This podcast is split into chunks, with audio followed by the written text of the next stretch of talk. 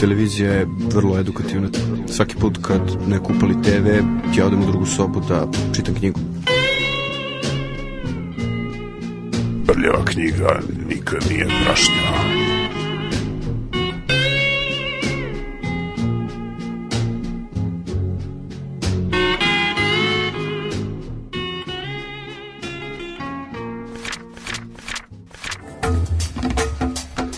Posle ove potpuno magnifik ove priče o, o šifrovama, odnosno enkripciji, dekripciji, kriptografiji i već šta je, i, i stena, ne, steganografiji. Jeste. I šta smo još spominjali? Ne, to je to. Kriptoanalizu. Kriptoanalizu. I tako. I tako dalje. Tu, a tek ćemo još i da spominjamo. Da, i u sledećem delu, to jest u sledećem emisiji, dakle sada rubrika spremili Rubrika. si ponovo jedan pisac, jedna knjiga. Jeste, jeste. I A pisac o kome ćemo pričati je ruski pisac Evgenij Ivanović Zamjatin.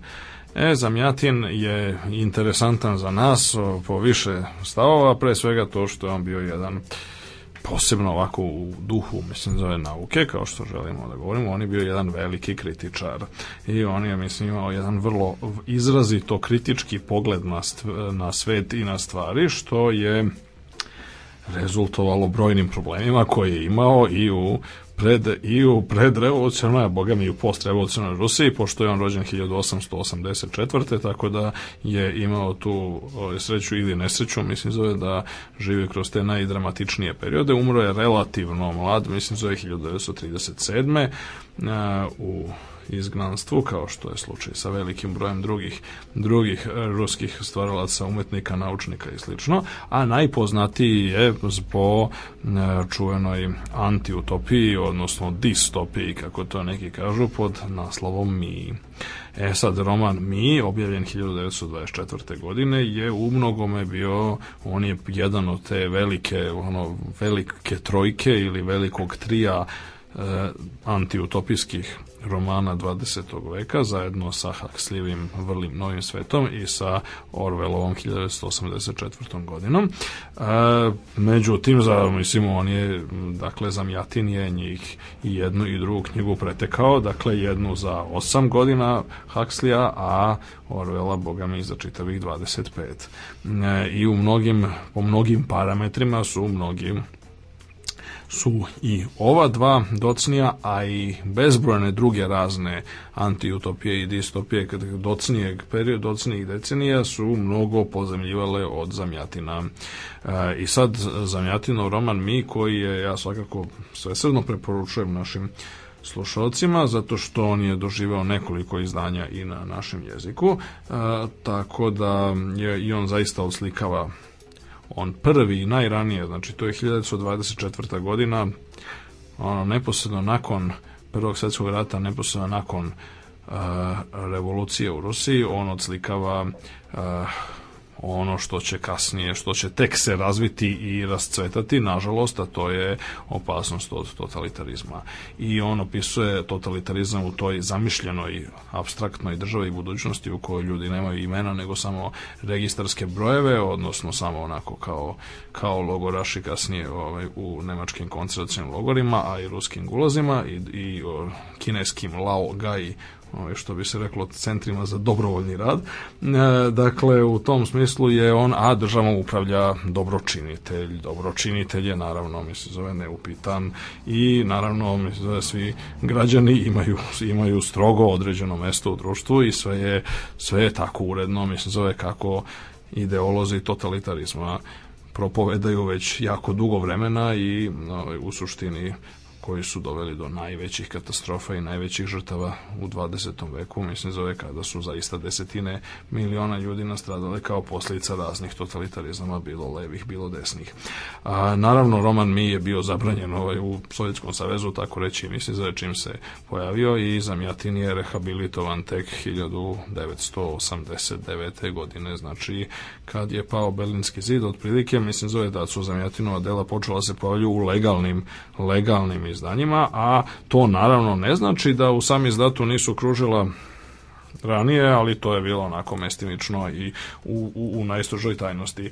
Paradoksalno je u tome što Zamjatin je odlično, mislim, zove Zamjatin je bio mlad boljševik od svoje on 16. godine i, o, i poenta jeste u tome da je on, on ovaj, to E, te totalitarne tendencije mislim zove uočio jako rano, on je poznavao stvari iznutra, nije uopšte mislim zove bio neki ono kao protivnik revolucije, naprotiv bio je vrlo vatren revolucionar a, i borio se zajedno sa čitavim nizom drugih ljudi, mislim zove ono i sa, dakle družio se sa predstavnicima te ruske avangarde, među kojima je bilo jako mnogo znači komunista, družio se sa, i sa Maksimom Gorkim i sa Viktorom Šlovskim i sa Vsevolodom Ivanovim i sa Aleksandrom Blokom i, i, i sa još gomilom drugih ljudi koji su Kaverinom, Zoščenkom i drugim, koji su bili oni zajedno sa njima čak čak oformio grupu, mislim zove takozvana braća sera, Serapionska braća koji su bili aktivni znači negde oko oko 1920. godine i koji su zaista radili jako mnogo, mislim zove na prosvećivanju i na ono razvitku intelektualnih sloboda, tada još nije bilo sasvim jasno, mislim zove u kom pravcu će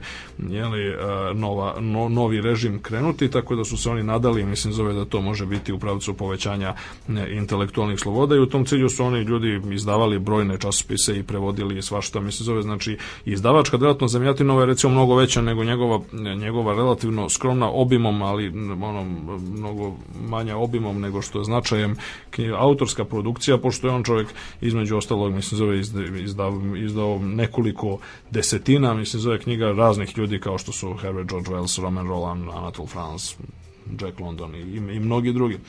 E, ono što je, on je već tada počeo da piše, mislim, zove razne sitne priče, e, kratke priče, drame i još nekolika, ali relativno male. On je prakti, mi je jedini roman koji je završio, on je njega napisao 24. Ovaj, u Rusiji, ali nije bio naravno mogućnosti zove da objavi.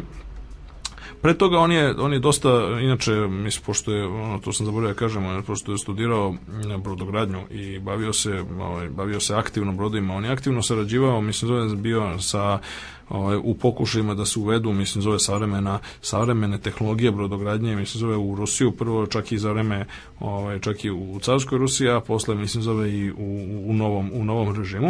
E, međutim, pošto je stanje tokom 20. godina počelo da se pogoršava i pogoršava, mislim, zove on je na kraju ovaj, uspeo da pobegne, a pre nego što je, mislim, zove pobegao iz sovjetskog raja, on je napisao jedno čuveno pismo Staljinu koje je tek relativno skoro pronađeno, mislim, zove i koje je onako vrlo interesantno po svom cijenizmu, ovaj, koje ali tačno pokazalo, mislim, zove u kom pravcu, mislim, zove u kom pravi, bio je, nažalost, u pravu, mislim, zove u kom pravcu ove, sve to ide. A, nakon emigracije, mislim, zove, on je živao u Parizu, od 1932. mislim zove opet kažem do svoje prerane, prerane smrti 1937. i tu je uglavnom radio mislim zove na romanu u kome ću ovde sad nešto da kažem koji je preveden relativno skoro kod nas a to je roman Bić Božji a, znači istorijski roman koji se odnosi na Hunsku na Hunsku inva, tilinu invaziju a, Rimskog carstva mislim u petom veku naše ere. E sad, to je on je nikada nije završio, zapravo postoji samo jedan fragment iz ovog romana koji je objavljen u Nolitovoj biblio, u Nolitovoj biblioteci veliki romani o, o, u, kod nas je ovaj ovo izdanje ovde je znači u prevodu Mire Lalić, a izdanje je iz negde 1900 85. godine. E, dakle, taj fragment romana Bić Boži je interesantan po tome što sad na prvi pogled, eto, kao istorijski roman o starom Rimu i tako dalje, on je zapravo, zapravo tu je na tu je na jedan to je taj večni, večna tema sukoba civilizacije i varvarstva je, je obrađen na jedan novi način i on je, on je u, tom, u tom romanu zapravo na neki način, mislim, zove koristio tu te varvarske invazije, mislim, zove kao metaforu za širenje komunizma. A, I ove, za sam kraj Jedan, kratak odlomak, da, kratak odlomak. sa početka sa samog početka, mislim, zove romana Bić Boži, odnosno, ajde da kažemo, fragmenta romana Bić Boži, a kao što ćemo vidjeti, odlomak je ovako vrlo primenjiv. Mm -hmm. Nespokojstvo je vladalo svugde po Evropi. Bilo u samom vazduhu, udisalo se. Svi su očekivali ratove, ustanke, katastrofe. Niko nije hteo da ulaže novac u nova preduzeća. Radionice su se zatvarale. Gomile nezaposlenih su išle ulicama i tražile hleba. Hleb je postajao sve skuplji, a vrednost novca je svakim danom opadala. Čak i besmrtno zlato se odjednom razbolelo, ljudi su u njega izgubili veru. To je bilo ono posljednje. U životu više ništa sigurno nije ostalo. I sama zemlja pod nogama prestala je da biva stabilna. Bila bi zima kad su ptice u letu smrzavale i u stresak padale po krovovima i po kaldrmi. Onda nastaje takvo leto da je drveće cvetalo po tri puta dok su ljudi umirali od grozničave jare. Jednog julskog dana dok je zemlja ležala sa crnim, osušenim, ispucalim usnama, pređe preko njenog tela neki grč. Zavijala je zemlja potmulim snažnim glasom. Ptice su skrike majale iznad drveća bojeći se da na njega. Ljudi su bežali iz gradova, pa su u stadima živjeli pod otvorenim nebom. Niko nije mogao kaže koliko je sati ili dana ovo trajalo. Zemlja se najzad primirila sva oblivena hladnim znojem. Svi nagrnuše u crkve. Kroz pukotine po svodima zjapilo otvoreno nebo.